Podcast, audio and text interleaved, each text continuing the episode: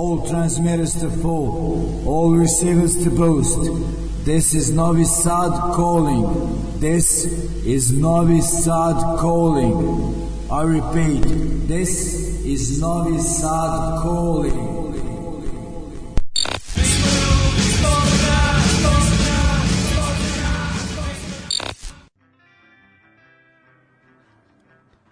Dobro večer ljudi, želim vam eh, prijatno kišno veče, sreda 20 časova, emisija Ljudi iz podzemlja, 128. po redu na ovoj strani slušalice DJ Miguelito, dakle talasi eh, internet radija Daška i Mlađe.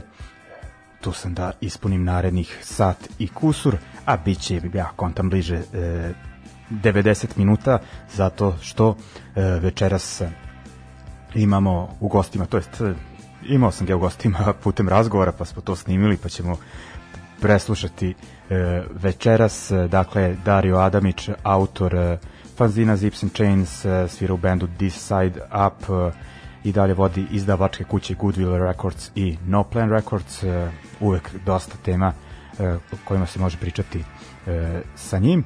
E, vratit ću se na to, ali ajde ovaj, da ne bude da večeras samo vrtimo priču o prošlosti. E, da kažem da sam došao e, direkt iz Crne kuće, bio sam tamo na e, odličnoj veganskoj večeri i valjevskom pivu.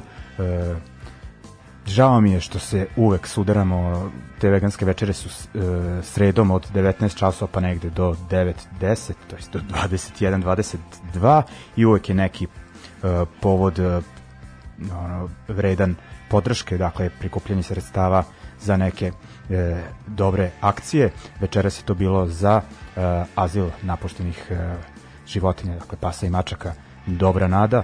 Bila je baš onako prijatna atmosfera i upreko lošem vremenu čak i e, to jest već u sedam sati je bio onako priličan broj ljudi. Nadam se da se nastavilo u tom prijatnom pozitivnom duhu i druženju. Što se tiče Crne kuće, dakle, još su u pitanju one pravne zavrzlame, nadam se da će se to rešiti povoljno po novosadsku nezavisnu scenu, ali ovaj do tad ispratite dakle sve događaje koje se tamo e, koji se tamo odigravaju. E, ja mogu da, da vam najavim već u petak. Dakle, Crna kuća pravi e, matine žurku kao podršku crnom ovnu, dakle, sve crno kod nas, ovaj, dakle crni ovan pričali smo već u, narednom, u, prethodnim emisijama, ima je dosta otežavajućih okolnosti najviše e, zbog e, učestale inspekcije, tako da je tu bilo i biće nekih raznih kazni visokih. E, bila je žurka odlična u Crnom ovnu, koja je sada na dvonedeljnoj prinudnoj pauzi, pa je prilika da podržite Crni ovan već u petak, dakle u Crnoj kući. Cef pušta muziku, pušta se rep, ali žurka će biti pankerska, kako ja volim da kažem, od 17 časova do 21. Vidimo se. I to bi bilo to što ja znam o nekim događajima Eh, vrednim eh, podrške. Eh, idemo dalje, dakle, sa Darijom smo nastavili priču koju smo imali proteklim emisijama, rekli smo će on biti svakih mjesec dana, malo smo da kažem zabušavali, pa je ovo njegovo prvo gostovanje u ovoj sezoni. U svakom slučaju stigli smo do godine 1994. uz malo pominjanje i vremena pre toga, ali i E, posle toga, tako da ćete uživati i uz onaj punk tog e, perioda. će tu dosta tema e, da ih ne spominjem, a kako kažem, ovaj, i znate kako to kod ide, mora onako da bude malo uvod da vas uputi u priču, ne možemo da krenemo 90, od 94. nego to mora malo rani period da bude iz kog ćemo krenuti i ne može samo punk, nego mora ovako da, bu, da kažem da bude i ne, neizostavnog futbala pa dajem Dariju reč.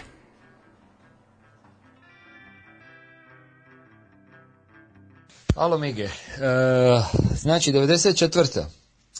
Ovako, 94. je bila ludilo godina. E, puno se toga desio 94. Jedna od možda najbitnijih godina u životu. Da bi skušili 94. moramo se vratiti unazad na 92. E, tačnije lito 92. Ljeto 92. igra, igra se u Švedskoj e, Evropsko prvenstvo u balunu na koji se Jugoslavija plasirala, međutim kako je doli bija rat i kako iz UEFA nisu znali kome bi sad dali kao nasljedstvo te Jugoslavije ili u Jugoslaviji ili Hrvatskoj i Sloveniji, međutim kako je Jugoslavija bila pod sankcijama, oni su jednostavno rekli ono ništa juga, ovi igraju danci umjesto nas, Danci su bili drugi u grupi i to je bilo jedno jako čudno evropsko prvenstvo, održalo se u Švedskoj. E, čudno zato što, mislim, nije bilo Italije, Italija sa Dinom Bađom, Gianlucom Vialin, e, nije bilo Španjolske. Bili su Škoti po prvi put, po prvi put je igrala Njemačka, je Ujedinjena Njemačka. Eh, SSSR se kvalificira, međutim ni njima nisu dali da se da nastupaju kao SSSR, nego su morali igrati pod jednim drugim imenom, kao Commonwealth eh, of Independent Nations, tako nešto. Znači, igrali su kao i Rusi, i Ukrajinci, i Bjelorusi, i Moldavci, i tako dalje, pod kao jednom zastavom ali ne kao SSSR. Znači, finalni dio Europskog eh, Evropskog prvenstva osam ekipa, to je bilo zadnje Europsko prvenstvo gdje je bilo samo osam ekipa, nakon toga je išlo odmah na 16. E, u jednoj grupi domaćini Šveđani, prvi put igraju Europsko, nisu se morali kvalificirati, s obzirom da su bili domaćini, e, u njihovoj grupi Danci, Englezi i Francuzi. Zajevana grupa. Druga grupa, e, Njemci, Holanđani, ti, e, taj udruženja reći, sovjetskih e, zemalja i Škoti. I normalno očekivalo se u toj grupi gdje su bili Škoti i, i, i Sovjeti da će proći Njemci i Holanđani kašta jesu, a u grupi gdje su Danci i Šveđani da će proći Francuzi i Englezi koji nisu. E, jer su u biti tukli sami sebe. Ono, Francuzi i Englezi su remizirali između sebe. Francuze su tukli Danci, a Englezi su tukli Šveđani. A ovo druga dva su, druge dvije tekme su bili remi, tako da su prošli dalje Šveđani i ti Danci koji su se prošversali na račun nas. A, polufinale prođu Njemci i Danci i u finalu Danci tuku Njemce 2-0, ono, mislim, čudo živo. međutim, ja to lito, to je bio kraj šestog mjeseca, 92. nisam gleda to finale, nego sam išao u Areco, koji je mali grad, jedan e, ne baš toliko daleko od Rima, ali već u Toskani, jedno dvije ure vlakon. U Arecu je svira Billy Bragg i ne znam, Young Gods, e, nekoliko onako bendova, manjih i većih. Znači ja sam, ja sam radi Billy Brega išao ovaj, u Areco e, njega gledat. Cijeli koncert Billy Bragg eh, podjebava Njemce ka, kako su izgubili od Danaca, još je stavio ono majicu St. Paulija da još više podjebe kao a, baš mi je krivo što ste izgubili večeras i tako dalje. I završi koncert i sad se ja vraćam vlakom u, za Rim, a vlak krcat, mislim ono, sva, sva ekipa koji su bili na Red Soul Rimljani vraćaju se doma. Znači, nemaš di sisto ono, cijeli vlak pun puncat, e, mi se stiskamo negdje u hodniku, blizu WC-a, malo čučiš, malo sidiš, malo stojiš na nogama i tu do mene neki taljan onako mali, neugledni, crna kosa, veliki nos, razumiš? I počeli mi pričati, sad on isto bija, jeli, radi Bili Brega na, ovi, eh, na festivalu. I ja njemu kao onog pričam kako sam došao do Bili Brega priko panka, on govori da je došao do Bili Brega priko politike u biti. Jer on je nekim ljevičarskim organizacijama u Rimu i valda eh, se u ljevici sluša Bili Breg. I on je tako do njega došao, Panku nije baš nešto ima puno ovi pojma. I kako je bio ono simpatičan, mi ono dogovorili se ovaj u vlaku da kad se vratim u Rim, da ćemo se vidjeti ono, jel, naći, ja ću mu snimiti neke onako kazete, razumiješ, sa nekim punk bendovima. Međutim, kako on živi, praktički diametralno od mene, znači sjevero, more sjeverno-istočni dio Rima, ja na jugozapadnom, on u predgrađu, ja u predgrađu nismo se do 94. baš puno puta našli, možda 3-4 puta na faksu koji je bio negdje na poputa između mene i njega. I da sam mu tako neke kazete, njemu se punk svidija i to je to. Znači to je uvod u 94.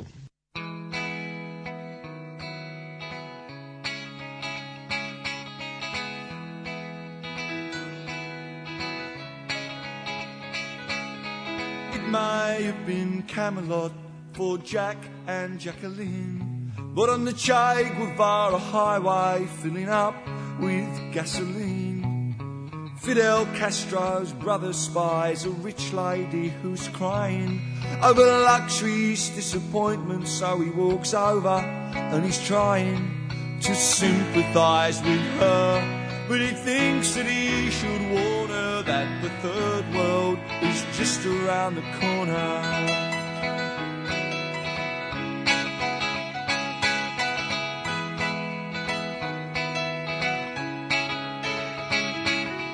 In the Soviet Union, a scientist is blinded by the resumption of nuclear testing, and he is reminded that Dr. Robert Oppenheimer's optimism fell at the first hurdle.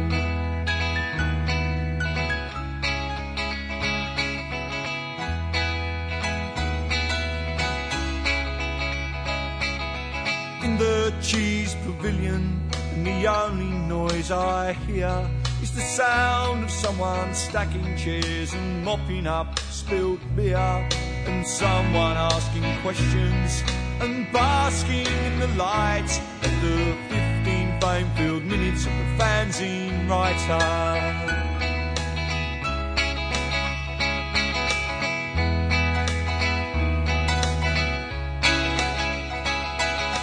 Mixing pop and politics, he asks me what the use is I offer him embarrassment and my usual excuses while looking down the corridor out to where the van is waiting. I'm looking for the right leap forward.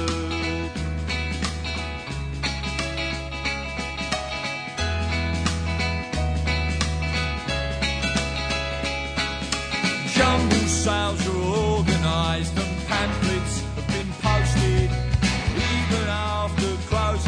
There's still parties. To be hosted, you can be active with the activists or sleeping.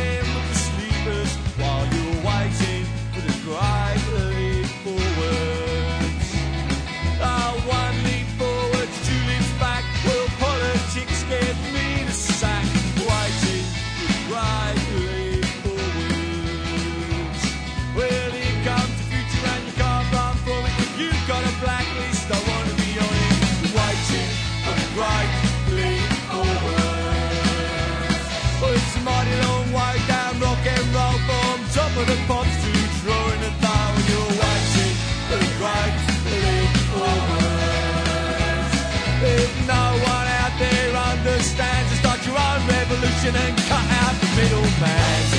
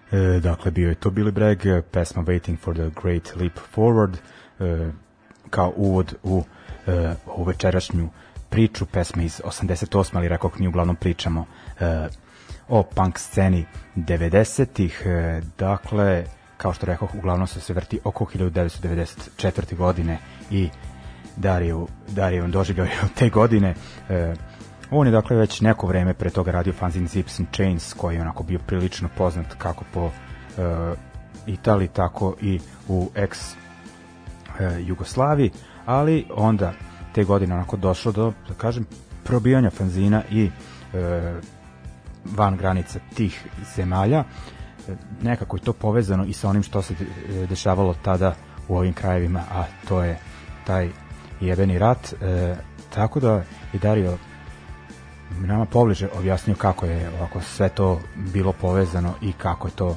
e, delovalo na fanzinaškoj e, i punk sceni uopšte 1994. Počinje 94. Prvi mjesec, 15.1. izlazi devetka Zips and Chainsa i to je meni jedan od najdražih brojeva. Možda najdraži, možda e, najdraži uz desetku. li Stvarno, taj broj je bio nekako jedna od odskočna daska baš za fanzin, jer je bio na puno je nekih frontova bio bolji. Bio je dobar ovaj, odabir bendova. Ne znam, imali smo Bad Religion, Joe Breaker, Fugazi, MDC, uh, eh, Instigators, kišu toga. Bilo je, bio je odličan uh, dizajn, i bilo je jako zanimljivih stvari unutra ono za pročitat. Bio je taj jedan članak o e, jugoslavenskim fanzinima od 80. Do, do, do, raspada Juge. I ovaj, i kad sad to išlo štampa, ja kontan, ok, mislim kad smo počeli, to je bilo 100 komada, onda je peti broj je možda išao jedno 130, šesti i sedmi su štampali 400, osmi su štampali 600 komada, ja govorim idem malo probat ovaj, digni tiraž na 900 i štampamo 900 komada ovaj, devetke. E, naslovnica od boje, uz fanzin ide neki prišivak i kad je izašao ti broj, e, ja sam konta, e, ja sam na neki način sa fanzinom doći do ljudi i ukazali na neki način šta se to dešava doli u nas, e, mislim ta tragedija tog rata, i koliko tu ima ljudi kojima bi trebalo pomoć na neku ruku. I, i onda sam ovi, konta koji god su profiti od tog fanzina, mada je to, to su simbolične cifre, da idu nekoj organizaciji koja pomaže jeli, izbjeglice, stradale u ratu i tako. Međutim, kako je vrijeme e, odmicalo, čuješ onako horor priče što se tiče te pomoći, razumiješ da ne znam, neka pomoć iz Holandije završi na policama samoposluge, da neka roba iz Italije eh, dođe u skladište i onda skladištar pola toga odnese doma i onda preproda na pazaru. Ja govorim, znaš, ono, ne znaš kome ćeš virovat, e, promijenio sam ideju u to da u biti šta god se skupi recimo sa fanzinom, da otiđe mom frendu Saši Milutinoviću. Ja sam Sašu već spominjao, E, negdje u prvoj drugoj emisiji kad sam pričao o litu 808 Splitu kad je on trebao u biti doći do mene i onda umjesto njega je došao ovaj, Peša jeli, iz Epitafa e, Saša u ratu izgubija i, i oca i stan i bilo mu jako teško ja kontan ok moram e, pomoći na neki način pitanje isto bilo kako i kad se skupe pare kako njih poslat međutim E, iz Kršnja je nekdi, nemam pojma odakle, neki radioamater koji je uz, to što je bio radioamater i bio non stop u kontaktu s tim ljudima, jeli, u, u Bosni najviše, je sa, mislim, Crvenim križem ili nekom drugom organizacijom odlazio par puta godišnje do, do Sarajeva i on se s njim, dogovorio s njim dogovorio, kad god se neke pare skupe, onda će ovi, on uzeti te pare i odnit Saši.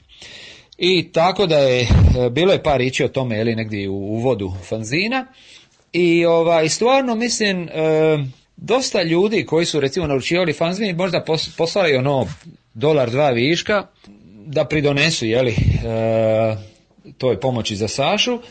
I bilo još neki, nekog odjeka li, po, po svitu u vezi toga, recimo e, Rhythm Collision koji su meni jako dobri prijatelji, oni su u biti napravili sličan e, potez, oni su izdali jedan 7 inch i onda svi profiti od tog 7 incha su isto išli e, Saši i, i tako dalje. Znači, izašla devetka i negdje na lito mislim, normalno, svaki broj kad bi izašao, ja bi to poslao, no, ne znam, u Maxi Rock'n'Roll, Flipside, drugim fanzinima, ali za recenziju.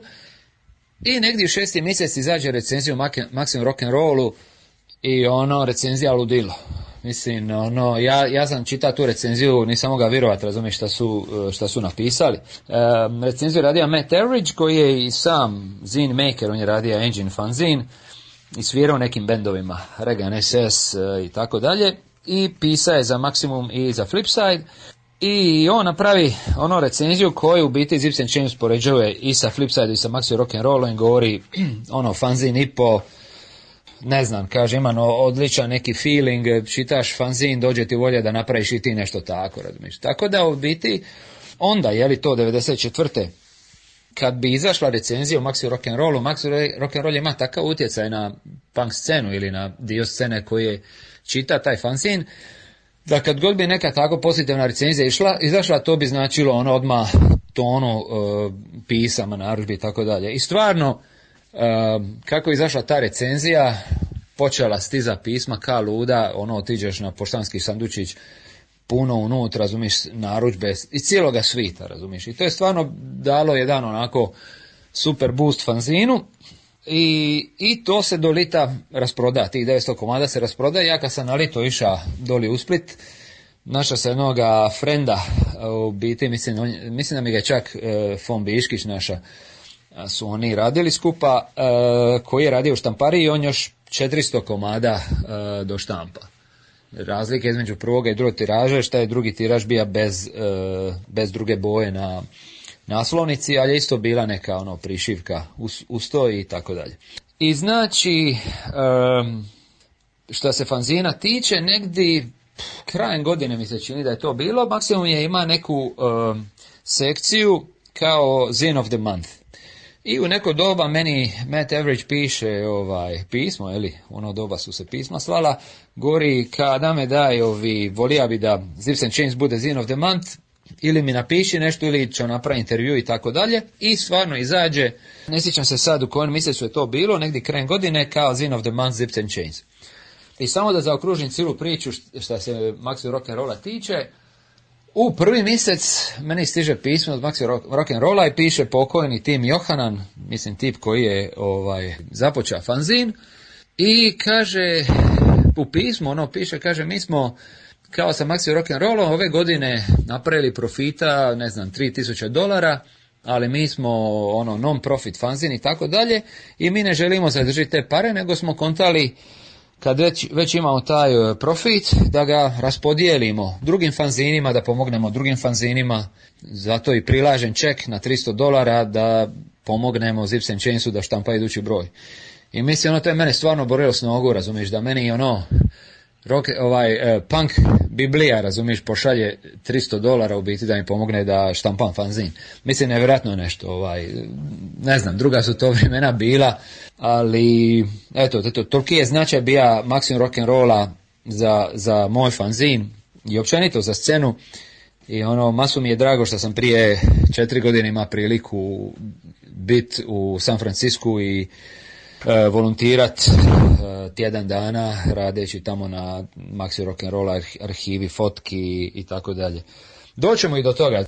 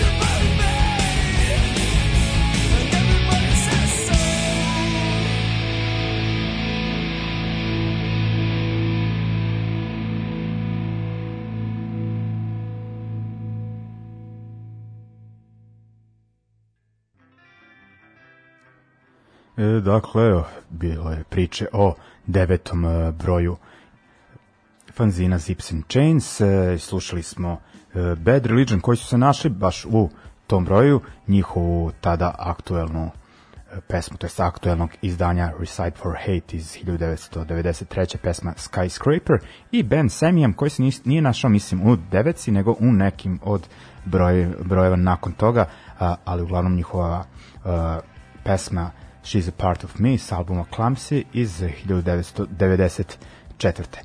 I e, pričom ostajemo u toj 94. I dolazimo do jedne zanimljive aktivnosti od strane Darija, e, kao što smo rekli, u većini država ili u dobrom delu država ex Jugoslavije onako rat e, u zamahu, ali to ne sprečava Darija da organizuje nekoliko koncerata u Hrvatskoj, e, holandskom bendu Bambix, e, koji će nakon toga, toga izrasti u jedan od najpopularnijih evropskih bendova kada je u pitanju melodični hardcore punk. Kako je bilo organizovati e, turneju u to vreme, čućemo upravo od Darija i to sada. I sad, nakon što je izašao fanzin, u prvi mjesec, u četvrti, tačnije prvi četvrtoga, otiđe na turneju sa e, holandskim bendom Bambix. Ja sam njih zna još od prije priko singla koji su oni izdali na jednoj maloj njemačkoj etiketi. Bili su, mislim, u 6000 Zips and Chainsa. I jednostavno sam s njima ostao u kontaktu uh, svo to vrijeme i u nekom momentu su me pitali kada li im radija turneju. I smo napravili, kao slično kao i Agent 86, jednu turneju koja je bila uglavnom po Italiji, ali e, ovi put je dotakla i Hrvatsku. to je bila 94. znači ratna godina, još je bio rat u Bosni, još su ove dvije krajine u Hrvatskoj bilo okupirane, tako da ovi, nije baš bilo jednostavno doći u Hrvatsku svirat. Međutim, oni su jedan od prvih bendova koji su nakon rata ili čak za vrijeme rata svirali u Hrvatskoj. Prvi bend e, su bili Karkas koji su svirali u Puli 92. A Bambik su došli e, odsvirat e, Rijeku, Split i Pulu u 94. u četvrti mjesec. E, znači ono, opičili smo po Italiji, uglavnom je bilo centar sjever Italije, nakon toga Rijeka, čini mi se da se u Palaku sviralo u Rijeci i onda smo došli u Split, jeli, moj rodni grad, tu je Darko Prolić koji rade United Blood fanzin i Lunatic magazin radija taj koncert. Nekoliko mjeseci ranije oni su u Splitu uspjeli napraviti jedan, e, jedan klub, mislim da se zva Rock FM. Klub je nastao tako da je jedna politička e, stranka, SDP, koja nije nešto popularna bila doli u Splitu, ustupila e, nekim omladincima jedan prostor koji su oni imali na Mejama u jednom elitnom dijelu grada. E, jedna lipa stara vila koja još uvijek dan danas postoji i mislim da se iznamljuje da je ono jedna noć u vili košta negdje tisuću eura, tako nešto. I oni su taj prostor u biti dobili za radi koncerte.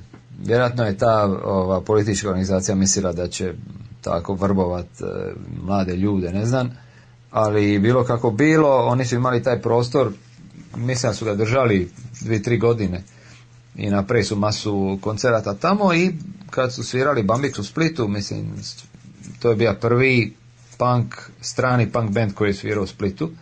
Oni su svirali tamo i to je bilo ono ludnica, ja ne znam, bilo možda 300 ljudi, ali ako nije bilo 300, 200 je bilo sigurno.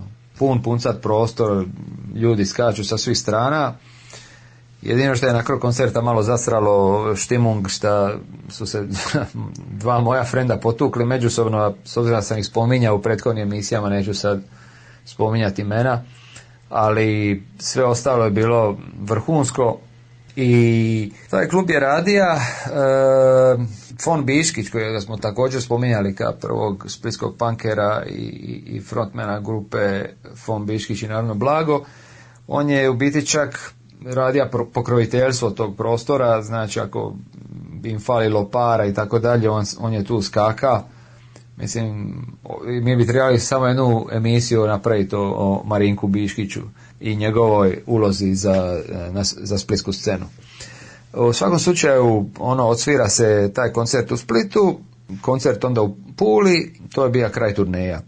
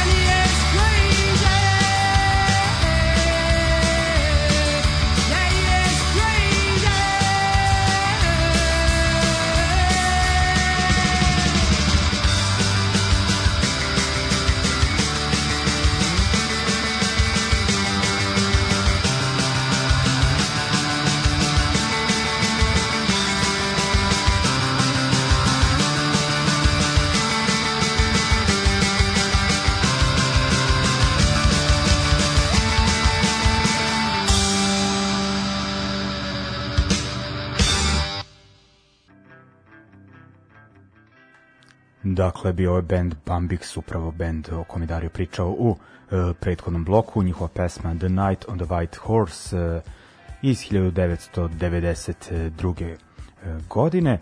I sada dolazimo do teme Monte Paradiso festivala iz 1994. godine koji je bio prilično specifičan ovaj, i baš će o tome ovaj, Dario reći da li ga je bilo ili ne. I sad, mjesec, dva mjeseca kasnije, e, evo zašto sam priča, ono sve od 92. jako podođe do mene doma, ono već se tu već ono nekako napalija na taj punk, jeli, koje sam ja snima. Ja njemu odsviram par stvari na basu, jeli, doma, a gore, evo, to su stvari koje, koje sam ja napisao, vamo tamo i on ono, poludi, govori, ala, ovo je ludilo, idemo, moramo napraviti bend, ali tip nema nikakvog muzičkog znanja, ono, nula, totalna, ono, minus i kaže, ništa, ništa, idemo napraviti band, sutra kupujem gitaru, pojačalo i upisat ću se na lekciji gitare. I stvarno, šta je reka to učinija, kupija gitaru, kupija pojačalo i upisa se na lekcije gitare i mi smo mjesec dana kasnije u biti osnovali Side Up, stavili smo oglas za gitaristu u Dućan ploča u kojem su se uglavnom pankeri skupljali i odgovorena je dan klinac od 17 godina, mi smo tad imali 23, 24 on je ovi, odgovorio na taj e, oglas u, koji smo imali u dućanu ploča i tako smo nas trojica bez bubnjara, znači dvije gitare i bas, vižbali u mene doma, odmah ovi u startu svaki drugi dan bi se našli i pičili te neke rane tvari. Mislim da nijedna od tih stvari nije preživjela dugo ovi u Dapu, ali ono, to je bio taj početak. Znači, sedmi mjesec 94 i onda sam skužili da je Pierluigi u BT, PG smo ga zvali, najveći muzičar od svih nas, on je stvarno ovi, bije klinac, ali gitaru rastura samo tako, ono, fantastičan ovaj, gitarista. I ništa, to je, znači došlo je lito 94. ide se u Split, štampa se taj ovaj, uh, Zips and Chains i uh, e, kontamo, ok, lani je bio Monte Paradiso, idemo ša opet na Monte Paradiso i sad što je bilo doba prije interneta, znači informacije koje su stizale stizale su i nisu stizale, znači nije baš bilo ovaj, protok informacija nije baš bio, i bez obzira na rat nije baš bio bajan. Znači mi smo otišli gori u, u Pulu u osmi mjesec otprilike kad je taj Monte Paradiso treba biti, međutim to li toga nije bilo. E, mislim da ova ekipa što je radila festival nije uspjela na vrijeme izvući dozvolu i nije se festival održao, međutim bio je taj drugi festival, Art and Music Festival se zva, to je bilo ok, bili su ono neki mm, ajmo reći alternativni bendovi, čini mi se da su i Kudi Dioti nastupili u nekom izvan takmičarskom dijelu programa i ono mislim čunke iz cijele juge bili su, sjećam se, bija je Peša iz Sarajeva, iz Epitafa, bija je Lema iz Siska koji je radio Kaos fanzin, bija je Goc E, iz Patrida i Warhead Fanzina i Slavonske Požege, ono masu ekipe ovi pretežne ili iz Hrvatske i Slovenije. I sada nama iz ove perspektive izgleda prilično čudo ovaj otići na festival e, a kada kažem održavanje istog nije ni potvrđeno, ali tako je to bilo e, u to vreme, dakle falilo je tih nekih validnih aktualnih informacija, pa je mene zanimalo kako je ipak završilo to putešestvije, da li onako e, među ekipom e, brojnom vladalo razočarenje e, povodom otkazanog festivala ili su mogli naći neku pankersku zabavu u Puli? Pa je u biti, mi smo išli u Pulu kontajući valjda će biti Monte Paradiza, a i da ga nije bilo opet, nije to sad bio neki veliki rizik otići u Pulu. Mislim, Pula opet bila možda nešto najbolje šta bi ti mogao čini priko lita. Najbolje mislio da bi ti mogao otići. Pula je stvarno vi, u svim tim generacijama bio jedan punk grad. I, I, ono, pa i ako nema Monte Paradiza, nema veze, bit će ta ekipa, razumiješ, ono, družit ćeš se, možeš će otići na probe nekog benda, slušat ćeš muziku, ono, ispit, e, ići na more i tako dalje. Tako da u biti, ovi, masu nas je otišlo na taj nepostojeći jel, Monte Paradiso, maso nas je otišlo toliko u Pulu, eh, iz cijele zemlje, iz Slovenije, a i iz vanka. E, jer, ovi, jer ipak ono moraš skužiti koja su to vremena bila, znači ono 94. nije bilo interneta, nije bilo mobilnih, e, informacije se, su kružile skroz na drugi način kružili su recimo preko fanzina, fanzini su, fanzini su bili jako relevantni što se, što se tiče informacija Znači ti bi pročita, ne znam, taj taj band svira tad i tad, tu i tu. I sad, e, kako ćeš to reći nekome, li Znači ako nisi s nekim u ekipi kojega u biti onako viđaš svaki dan, onda jebi ga, nazoveš doma i onda ostaješ e, poruku materi, čači, didi, babi, bratu, da ne znam, neki taj taj band svira tu i tu i, tu. i onda je ga, moliš Boga da oni to prenesu kako, kako bi trivali onaj, onome kome je ta poruka namijenjena. Ili ako ti, mislim, ima možda e, u telefonsku sekretaricu, onda mu ostaviš poruku na sekretarici i to je to. I sad nije bilo neki internet, znaš, gdje ćemo mi sad provjeriti, a ima li ove godine Monte Paradiso ili nema. Jednostavno nije bilo nečega poput toga, tako da ono, išao si na blef, pa ako ima, ima, ako nema, nema veze, razumiješ, ono, u Puli sam dobro mi tako da ovi, ja sam godinu ranije ono, uzao bi vriću za spavanje i spava bi u toj šumici pored tvrđave. A te godine kako nije bilo Monte Paradize nije nekako bilo puno svrhe ono biti tu oko tvrđave, ovaj, nema tamo nešto kako bi ti rekao ovaj, ne, ne se tu šta vidi, nije, nije, ti baš ni centar toliko blizu ili ovi. Onda smo te godine bili u jednom mistu koja se, koja se zvala Klonja, a Klonja u biti, mislim, stan od babe od jednog tipa koji je svirao u bendu koji su zvali Dark Busters. On i njegova ekipa iz benda, Mladen, sjećam se, se e, Mladen se zva tip, jako, jako jedan prijatelj, prijatan momak, on i njegova ekipa iz benda su baš tih godina otišli u Beograd, kao ono, ajmo ću vidjeti šta se dešava tamo, e, šta je s pankerima iz Beograda i tako dalje. I na račun tog iskustva su napravili fanzin koji se zva Distorzija. I sad ta ekipa okupljena oko tog fanzina je tu ono boravila jeli u tom stanu kojega su nazvali klonje i nas jedno 15 tu spavalo na podu u vrićama. sviđam da je bila neka ekipa iz Francuske, E, masu naše ekipe, ne samo iz Pule, nego i iz drugih gradova. I, I, super je bilo jer ono ti bi tu prespavao, onda bi ujutro možda nešto pojija, izašao bi u grad, otišao bi na more, otišao bi se naš s prijateljima, vratio bi se neku u uvijek je tu bija neko ko se tetovira, ko sluša muziku, vamo tamo. Znači uvijek je bilo nešto. Nekoga je bilo tu, otvoreno 24 ure na dan.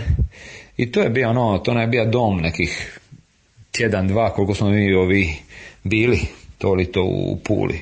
I ovaj, to sam lito ja Iru, s kojom sam bio naredne ovi, tri godine, a Ira je e, sestra e, prvog pjevača od Pas Matersa, znači negdje polovicom 80-ih, Pato, njen brat je piva u Pas a oni, njih dvoje su imali jedno jako ovako kako je rekao, nepopularno prezime za, za to vrijeme, jel, i, i Goranira su se prezivali Milošević.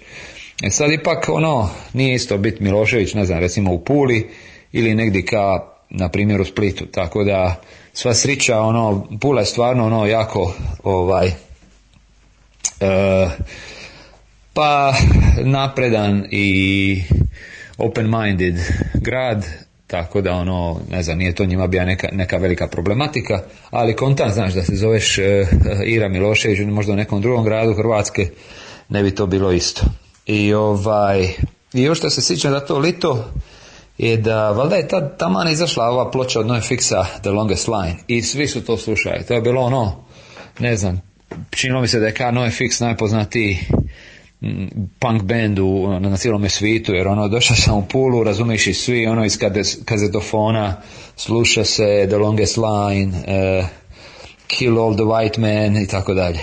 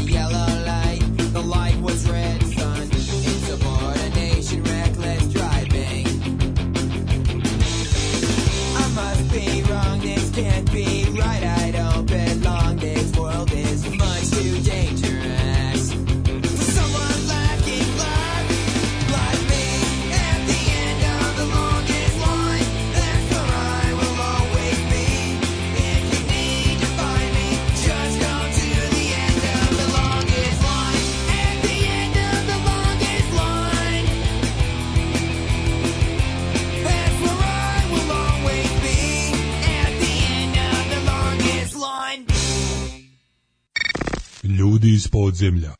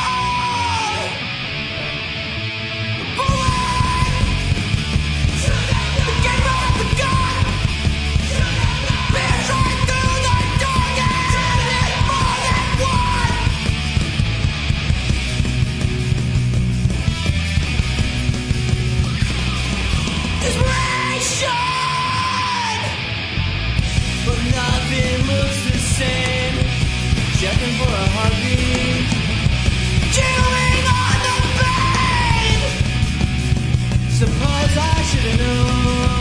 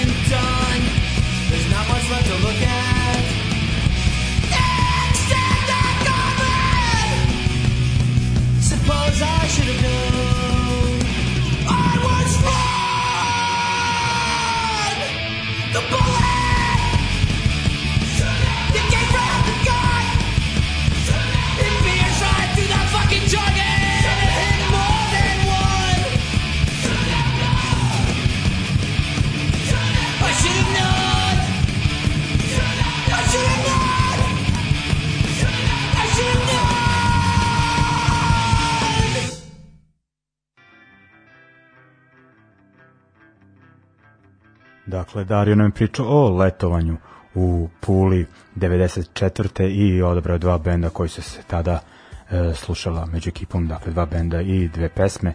Effects, The Longest Line sa istoimenog EP-a iz e, 92. i Ignite Should Have Known iz, e, to je sa e, EP-a ploče, ne znam više ni šta je, Scarred for Life iz 94. Što je zanimljivo, ovo je e, pesma iz perioda dok u band nije došao Zoli. E, idemo dalje, ostajemo u 94. ali vraćamo se u Rim, a u tom periodu, dakle, nakon leta se desilo veoma, to jest nekoliko veoma bitnih stvari u Darijom e, životu. Pa je, u biti, tačno tako kao što si rekao, meni je ta 94. biti promijenila cijeli život. Znači ja sam prije lita spomenuo da smo uspjeli naći gitaristu i tako je krenio This Up, jeli? Međutim, e, fali je bubnjar i sad odmah smo mi tu nešto pokušali naći bubnjara, nije da smo mi se kao trio pa sad ćemo mi i bubnjara dodat, nego tražili smo bubnjara, to, znaš, kogod da je svirao u nekom bendu, zna, mislim, bubnjara uvijek fali. Uvijek je teško naš bubnjara. Uvijek imaš jednog bubnjara i pet bendova u kojima svira. I tako da ovaj, e, prvo smo provali jednog tipa, međutim ja sam mišljenja da bubnjar ono stvarno treba biti dobar. Ne možeš ti sad početi bend sa lošim bubnjaran. Možeš imati lošu gitaru, možeš imati lošeg basistu. Možda čak ima i loše pjevače, ali ako ti je bubnjar loš, ono, ne ide to nigdje. Mislim, da bar je to moje mišljenje. I tako da smo stvarno tražili nekoga ko nije ono totalni početnik, a ne znam, recimo jako po ja. I provali smo jednog tipa koji je bio zajednički friend i ono, nije to bilo to. Pa smo provali jednog drugog koji je više bio u nekom rege, džiru i tako i vidjeli smo nije, tu, nije to muzika za njega. I onda smo preko nekih zajedničkih frendova našli tipa koji se zove Andreja i on nije bio, recimo, recimo, nije on bio punker, nije on sluša punk, ali je između ostaloga i neke punk bendove tipa, ne znam, Clash, Little Fingers, Bad Religion i tako. A uglavnom njegova je muzika bija mod, ono, on je sluša Jam, Who, Small Faces, takve bendove, jel? I nađemo njega i onako vidiš, tip je dosta instiktivnim bubnjar, Ako baš fino se on uklopija, nije nešto on puno školovan, tu bija i tako dalje, nego baš je imao feeling, jeli, za to što nama treba. Jedino što je tako, njemu je malo problematično bilo svira tako brzo koliko smo mi htjeli biti brzi. Tako da smo na početku mi prilično punk rock band bili, iako smo htjeli svirati melodični hardcore, više to negdje bilo u, punk rock domeni, jer je njemu stvarno ono, otpadale su mi ruke, kaže, ba ne mogu, ne mogu, nemojte tako brzo kao, usporite malo, razumiješ. I ništa, znači nakon par mjeseci smo našli bubnjara, je li to, nakon što se se vratio iz Splita to lito, međutim, jedna jako bitna stvar je baš u to vrijeme kad smo mi osnivali This Side Up, znači negdje proljeće 94. je jako podobija posao. I on je dobija posao u jednoj firmi koja se zvala Helter Skelter i bila je diskografska kuća sa svojim izdanjima, jeli, a to je bila i distributer. Znači kad distributer e, distribuirali su naše ono, ploče ili po imali su neke etikete znači koje su bile, e, ajmo reći njihove, jeli, znači ne znam, e, Better Youth Organization od Youth Brigade su Helter Skelter distribuirali u Italiji ili Fat Rack su bili Helter Skelter, recimo Discord je bio neko drugi. Znači svaka je distribucija imala par tih etiketa koje su ova, bile ekskluzivne, a druge bi dobili po nekom non-ekskluzivnom e, džiru. I tu je jako počeo raditi i negdje u deveti mjesec kako sam sad vratio iz Splita, on mene nazove, gori slušaj, ovdje u mene na poslu traže nekoga ko priča dobro engleski ovaj, i ko sluša tu muziku. Jeli? A Helter Skerdio uglavnom bija pa, na punk orijentiran, punk, indie, hardcore i tako. I kaže, aj dođi na razgovor. Ja dođem, ono, ima neki intervju, jeli, sa, sa dva šefa i nakon 20 minuta, ono, mislim, tri pitanja su tu bila, ono, pričaš li engleski, koju muziku slušaš, što je bilo to, razumiješ? I oni kažu, ok, e, kad možeš početi raditi? I odmah ja tu, ono, mislim, počnem raditi e, dan nakon, E, jer je cura, koja je radila na, e, na toj poziciji, ona, ona, je, e, ona se selila u San Francisco i ona je u biti na kraju radila, njoj je muž čak dosta dugo radio ovoj Mordam distribuciji, vjerojatno si čuva za, da, da. da San Francisco. Tako da sam uletio na njeno mjesto i ono, mislim sad naš, ono imam posao, imaš lovu i odmah ja jako ono tamo super ka evo sad imamo band, sad ćemo mi napraviti naš ono, naš label pa ćemo mi izdavati ono naše ploče, li znaš, kad, počnu, kad, kad budemo zreli za ploču, to ćemo mi izdati, razumiješ? Ali evo da se još malo zadrži na Helter Skelter, taj Helter Skelter je imao svoju etiketu, baš su se zvali uh, Helter Skelter Records, i na njoj su izdaš, izdali neke tako prilično interesantne bendove, recimo tu su izašli Drones, Englezi eh, punk rock, pa su bili Cinecide, američki punk, um, bija jedan single sa New Bomb Turks, ja mislim da je bija split New Bomb Turks, Devil Dogs, eh, radili su ovaj David Peel iz New Yorka, um, radili su, napravili su čak Chorus of Disapproval, koji je totalno straight edge hardcore band iz Kalifornije, ono, ali različite stvari, a uglavnom je to bija eh, punk. E, radili su Rocket from the Crypt, mislim to ono, nakon toga je to veliki band postao, oni su tamo 92. radili njima, njima single kad stvarno niko za njih nije zna. On, oni su tek imali možda prvi album vani, a oni su uz tu Helter Skelter etiketu imali još par manjih etiketa koje nisu recimo bile njihove, ali su ih oni financirali. Znači, e, bila je recimo Break Even Point Records, koja je onako jako zanimljiva etiketa iz Italije. Ona je mm, djelovala jedno deset godina, od 90. do 2000. I oni su izdali jako, mislim, strašne ploče. Recimo Lifetime je, je izda ploču na even Point, e, Ghost. E, nakon toga imali su Growing Concern, Think Twice, Endpoint, um, Groundwork, ono, super bendove. Dosta je toga bilo neki straight edge, ali ne samo ta etiketa bila i bila još jedna etiketa koja je izdavala uglavnom e, garage, garage rock, garage punk, e, ona se zvala Misty Lane. I obojica e, tipova koji su radili te etikete, oni su iz Rima i onda bi oni jednostavno došli u Helter Skelter, rekli ok, želim izdati tu i tu ploču, toliko i toliko komada, evo ti artwork, evo ti muzika, pa vi to štampajte. I onda bi Helter Skelter jeli sve to financira, platija, ovaj tip koji radi etiketu bi dobio neku količinu ploče i tako dalje, a ovo ostalo bi ostalo Helter Skelteru koji bi onda eh, od distribucije jeli, vratio sebi troškove i tako dalje. Tako da smo imali par etiketa s kojima smo radili i onda smo i mi sami kao Helter Skelter uz Helter Skelter osnovali još jednu etiketu i oni su tu etiketu dali meni kao da je, da je vodim i ta se etiketa zvala Panic Records. I Panic, eh, pa djelovala jedno, mislim, dvije godine sve skupa i na etiketu su imali, recimo, to su malo manji bendovi, ne znam sad koliko ih znaš, recimo bili su J. Church da. E, iz San Francisco, oni su etiketi, uh, onda smo Discount uh, iz Florida, uh, šta još bilo, um, Post Door, Taljani. Bilo bilinskih bendova, Peace. Mangus Manges, ili se ovi, Manges, Manges, Manges, Manges, da. Bravo, bravo, bravo. To nam je bila etiketa. Mi smo u biti probili se recimo uh, s tom etiketom s time što smo napravili dvije kompilacije. Znači prva kompilacija je bila um, No Time to Panic i na toj kompilaciji smo išli ono da radimo jednu kompilaciju uh, melodičnog pop punka ili hardcore punka i onda sam onda su mi rekli ono kao da ajde vidi koje bendove možeš tu staviti, razumiš, povucimo naše kontakte koje imamo i onda su recimo, dobro, sad su tu imali jednu stvar, ali onda smo mi pisali gori um, Fat Majku, jer, jer je Fat Rack bila na našoj, jeli, naša, naša, naša etiketa koju smo distribuirali ekskluzivno. I onda smo tako imali um, Fix, eh, imali smo Bambix, koje sam ja kontaktirao nakon, nakon turneje. Bili su White Frogs koji su sa D7 radili Split Single, kasnije Eversor, Taljani. De iz eh, Italije. Da, da. I, I, što je bitno, overflow. overflow, tako je, bili su, bili su overflow i Znači, ta je, ta, ta kompilaciju biti jako pomogla da etabiliramo našu, našu uh, etiketu, jel tu eh, Panic Records, jer, je, jer smo uspjeli, ne znam, oko 7500 komada prodat između CD-ova i LP-a, znači možda 3000 LP-a, 4000 CD-ova ili tako nešto tad su još, to su bile, to je bila negdje polovina 90-ih, znači CD-ovi su se prodavali u to doba bolje nego, nego vinil. Jel?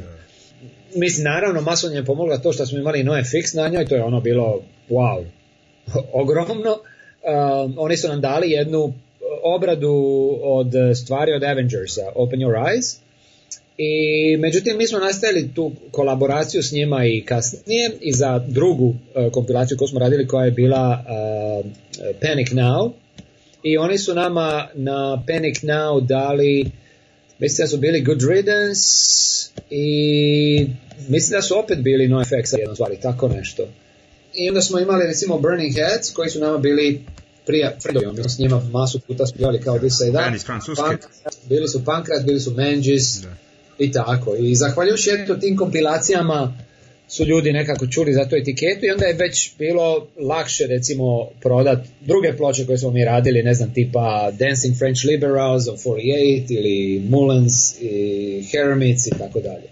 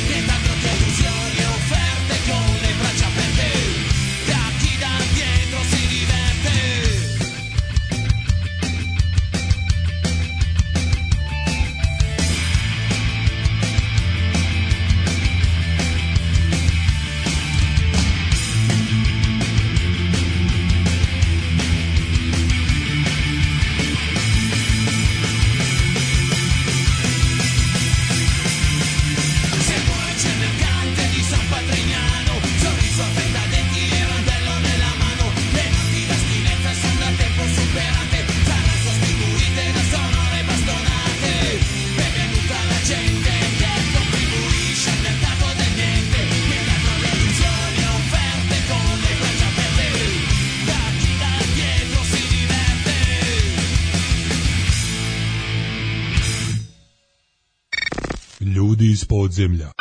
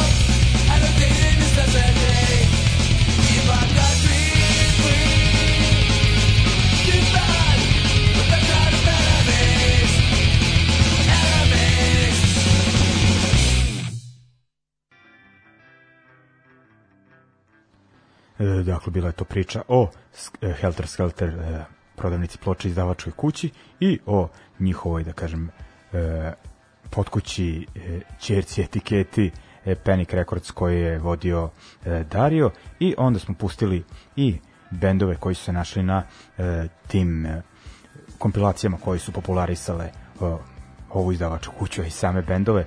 Dakle, E, slušali smo White Frogs Brazilce i pesmu Shamed World koji su se našli na kompilaciji No Time to Panic, a onda smo slušali numere sa e, kompilacije je usledila nakon te Panic Now, e, italijanski Pankras i pesmu e,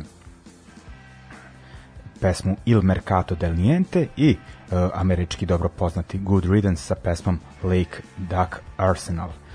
nakon toga su se dešavale neke stvari vezane za band This Side Up i e, za e, izdavačku kuću koju je vodio Dario Goodwill Records i pričali smo o tome kako je to kod njega funkcionisalo, dakle e, rad u izdavačkoj kući koja je onako dodirivala nekako, to je dolazila u kontakt sa tom muzičkom industrijom, a u isto vrijeme je vodio Do It Yourself izdavačku kuću i onako tipični underground punk band i da vidimo kako je sve to delovalo u isto vrijeme Ok, pa biti ovako, znači, e, znači ja i Jakopo smo osnovali This Up i svirali smo tamo i malo pomalo je to već ličilo na nešto i jednostavno i imali smo obojica posalu Helter Skelteru, znači ono zaposleni, uredno plaćan na kraju mjeseca i kontamo, znaš ono čin nešto bude da se može snimiti i izdat, to ćemo mi izdat na našoj etiketi. I nije se nikad ni razmišljalo o tome da bi kao neko drugi to izda, da bi mi recimo to dali, ne znam, Helter Skelteru ili, ili nekome. Um, jer ti, mi smo u tom Helter Skelteru recimo i vidjeli drugu stranu medalje. Znači, kad radiš tako u nekim krugovima koji su malo, malo ipak veći od ovog DIY-a u kojem smo i Goodwill Records i, i ne znam, i te neke etikete uh, tog nivoa. Uh, onda vidiš malo i, i ono zakulisne neke radnje, šta bi, šta bi vi rekli. Znači, recimo ne znam, doznaš da u biti tvoj najdraži band nije na omotu nekog tvog najdražeg magazina zato što su stvarno super, nego zato što je njihova etiketa platila da oni budu na omotu, jel? Ili pa su tako nekih drugih stvari, jednostavno otkrivaš malo pomalo da cijela ta muzička scena um, nije onakva kako ti se čini kad si, kad si naš ono, kao zanesenjak, klinac, kupuješ ploče, pratiš bendove i vamo tamo. Znači, ipak je to nešto drugo. I u biti ja sam uvijek razmišljao kako je super da, da recimo smo mi imali Goodwill jer je to jednostavno bio jedan, jedan pličak, razumiš? To je bio, jer, jer u tom oceanu je plivalo masu morskih paca, a mi smo bili u pličaku gdje morski pasi ne mogu doći, razumiš? Tako da u biti, ja bih rekao, mene Goodwill spasije, jer e, dok sam radio Helter Skelteru, malo pomalo, kako bih rekao, mi je, pada mi je, pada mi je interes za muziku. Umjesto mi se poveća, razumiješ umjesto da, ne znam, da postane još više e, zaljubljenik, zaluđen u muziku, meni je, neću reći da mi je postalo odvratno, nego mi je jednostavno sve me manje, manje interesiralo. Postao sam nekako možda čak i prezasićen E, baš s tom muzikom, jer u biti mi smo bilo šta šta nam je god palo na pamet mogli imati, bilo koju ploču, bilo koji CD, šta god je izašlo, to je bilo tu, razumiš, ono, dostupno, na, kako bi ti rekao, na rukohvat. Ali da se vrati na Goodwill, znači, kad i up kontali smo, ok, napravit ćemo etiketu, izdaćemo ploču. Međutim, to je negdje bilo 11. mjesec uh, e, 94. Mi nismo bili ni blizu, mi smo tek našli bubnjara, kakva ploča, kakva snimka, ono, ima tu još ta vižbace. Međutim, nama, meni piše ovaj e, Goran, jeli, iz uh, e, Overflova, Žika, i kaže Žika, slušaj, ovaj, ti radiš u toj dis, kući distribuciji, mi smo izdali jedan single u Mislim da su oni već izdali nešto u Francuskoj ili tako nešto će. Ne mogu se sad sjetiti. Oni su imali prvi album koji je bio za slušaj najglasnije, pa su onda radili Doroti i mislim da su izdali nešto u, u Francuskoj, neki single i kaže ti li bi se malo probiti vani, napravi nešto slično tom singlu iz Francuske. Kaže, znaš li neko koji možda u Italiji bija zainteresiran? Ja kažem, ma znam, znam kako ne imam ti ja etiketu, mi ćemo to raditi. Mislim, nis, nismo imali ništa, ni etiketu, ni ono, ništa tu nije bilo. Ali ja govorim, je, je, samo ti reci, pošalji stvari i istajemo to mi ka Goodwill Records, razumiš? I stvarno, mislim, ono, na povjerenje, ali overflow, pošalju nama stvari, pošalju omot, oni su radili omot, e, to, to, e, kompletno grafično, e, grafično rješenje. I, ovaj, I mi oštampano, mislim da je prvi tiraž bio E, tisuću komada. I sad zanimljivo je kod tog prvog tiraža, ja sam tija ono tisuću komada crni vinil, jel, normalno. Međutim, ja nisam zna, ja nisam ima kontakt direktan sa, e, sa štamparijom, nego je meni dobar friend bija Paolo. Paolo je radija SOA Records. I on je ima sve te kontakte, on je već bija iskusan, ima je diskografsku čutku već 2 godine i on govori, e, je, nema frke, ja ti to naručit. I ono umjesto da mu kaže tisuću komada crne, on je njemu reka stavi koju god hoćeš boju. I onda smo imali, ne znam, 80 o, prozinome, 200 plavoga, 150 crvenoga, 30 e, u boji, 70 e, narančastoga, to je bio ono koma, razumiješ, kaos totalni. Tako da je prvi taj tiraž od negdje tisuću, tisuću i nešto komada bija totalno u različitim bojama, Međutim, otišlo odmah.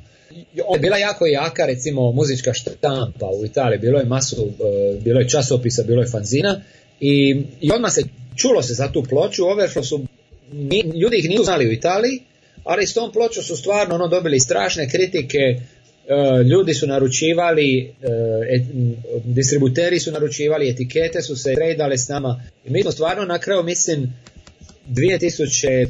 600 komada uspjeli prodati, e, prodat, tradat te ploče. Šta je u biti dosta, dosta dobra količina, ili pogotovo prvo izdanje. Znači nas je taj overflow nekako gnja i ovaj, radili smo tri, tri ovaj, kako se to kaže, tri štampe, oprosti. Radili smo tri štampe tog e, e, njihovog singla i onda negdje, i to je izašlo početkom 95. Znači u prvi mjesec 95. izlazi taj overflow E, razgovor smo nastavili s na ovu temu, pošto je mene baš onako zanimalo kako izgledala e, promocija benda i izdanja koje, da kažem, u nekim normalnim e, okolnostima na margini što se tiče nekih onako geomuzičkih dešavanja, a kako je to pogotovo izgledalo dok je u Hrvatskoj trajao rat? Da, u biti teško li ne teško mi je sad to reći, jer mislim da, je, da su oni, talijani uzeli taj single, taj overflow, koji je bio jako dobra ploča, koju su svi hvalili jeli, u, u, u muzičkim časopisima kao nešto egzotično. Kao vidi bogati tamo rat neki, vamo tamo, a ode ne znam, 20-godišnjaci, neki klinci, razumiš, piće, koja je ono ludilo, razumiš. I, i u masu recenzije u biti bilo kao, eh, da su ovi iz Amerike bili bi, ne znam, svjetska klasa, ali jebi ga kao iz Hrvatske su. Tako da oni, oni su jako, jako su dobre kritike dobijali tu za tu ploču i dosta ljudi se osvrćalo na to da je to u biti nama neki totalno prvijenac i ono kao vidite i njih, ono prvo pa muško, kao izdali su prvi single, a ono single strašan.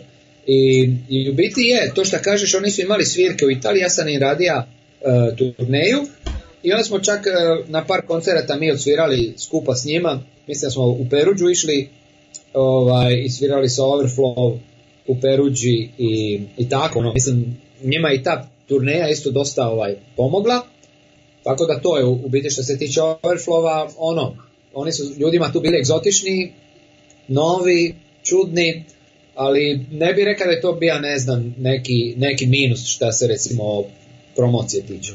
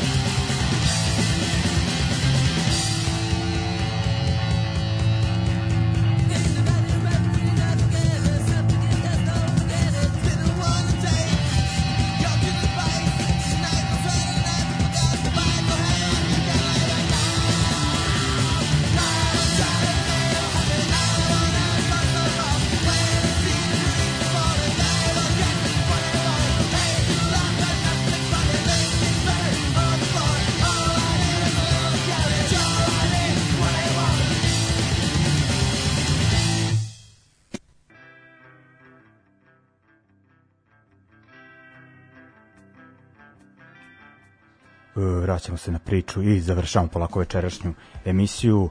E, dakle, još smo u tim, dakle, sredina 90-ih, 94. 95. E, to je period onako koji je bio veoma e, aktivan, žestok e, na rimskoj sceni i e, nam to još onako više e, približiti, pošto je tada krenulo onako zaista e, da bude onako uh, period koji je bitan za band Decide Up i za Goodwill izdavačku kuću. I odmah se mi bacamo na, ne, na iduće izdanje koje je bilo e, je bila jedna kompilacija sa pet bendova. E, zašto je uopće došlo do te kompilacije? Mi znači, već dolazimo do 95.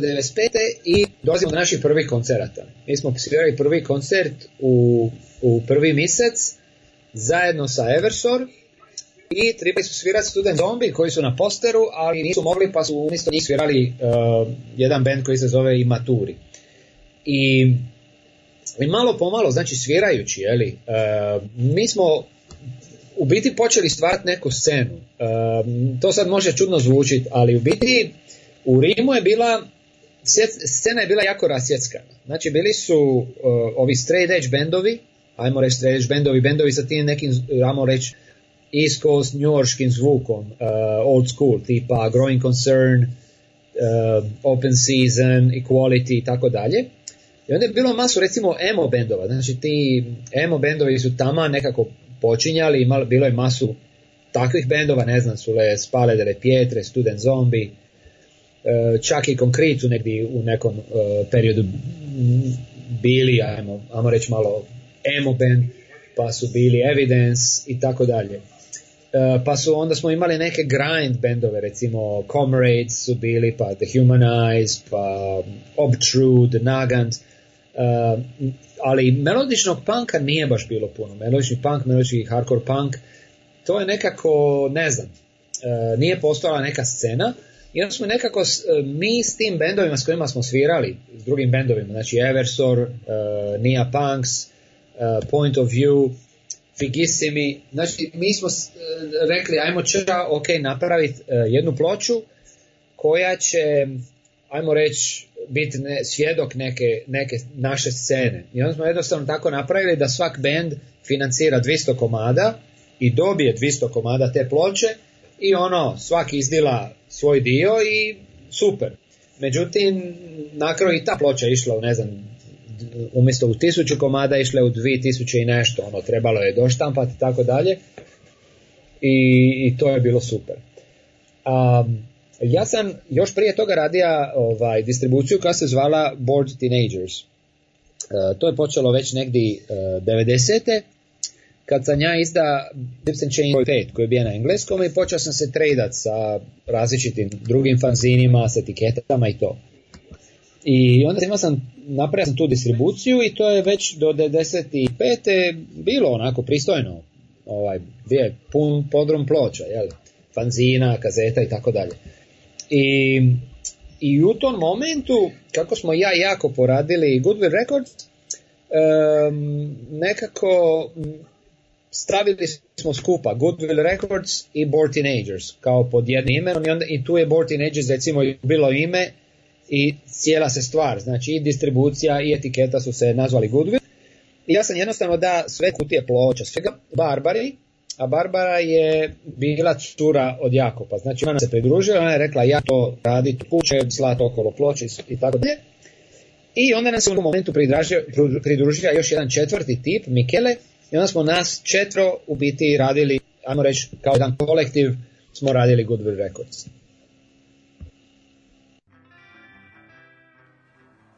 Eto ekipa, ovo bi bilo sve što se tiče večerašnje priče sa Darijom, e, da vam se izvanim na tehničkim e, smetnjama, e, u buduće ih neće biti u narednim razgovorima kako se Darijom, tako i ovaj, sa nekim od sagovornika, sagovornica koje ćemo, ovaj, da kažem, sa kojima ćemo pričati preko e, Skype-a, ali eto ovaj put, nažalost, smo ih tek kasnije provalili i uglavnom pretpostavljam da će Dario da nam i u nekim od narednih razgovorima priča e, detaljnije o aktivnostima benda Decide Up, ali mi ćemo večerašnje druženje završiti e, sa pesmom e, sa kojim je Decide Up onako konkretnije došao na muzičku pesmu, to je pesma Struggle i to je još jedan numera sa kompilacije No Time to Panic i uz nju vam želim laku noć i Prijetan ostatak ove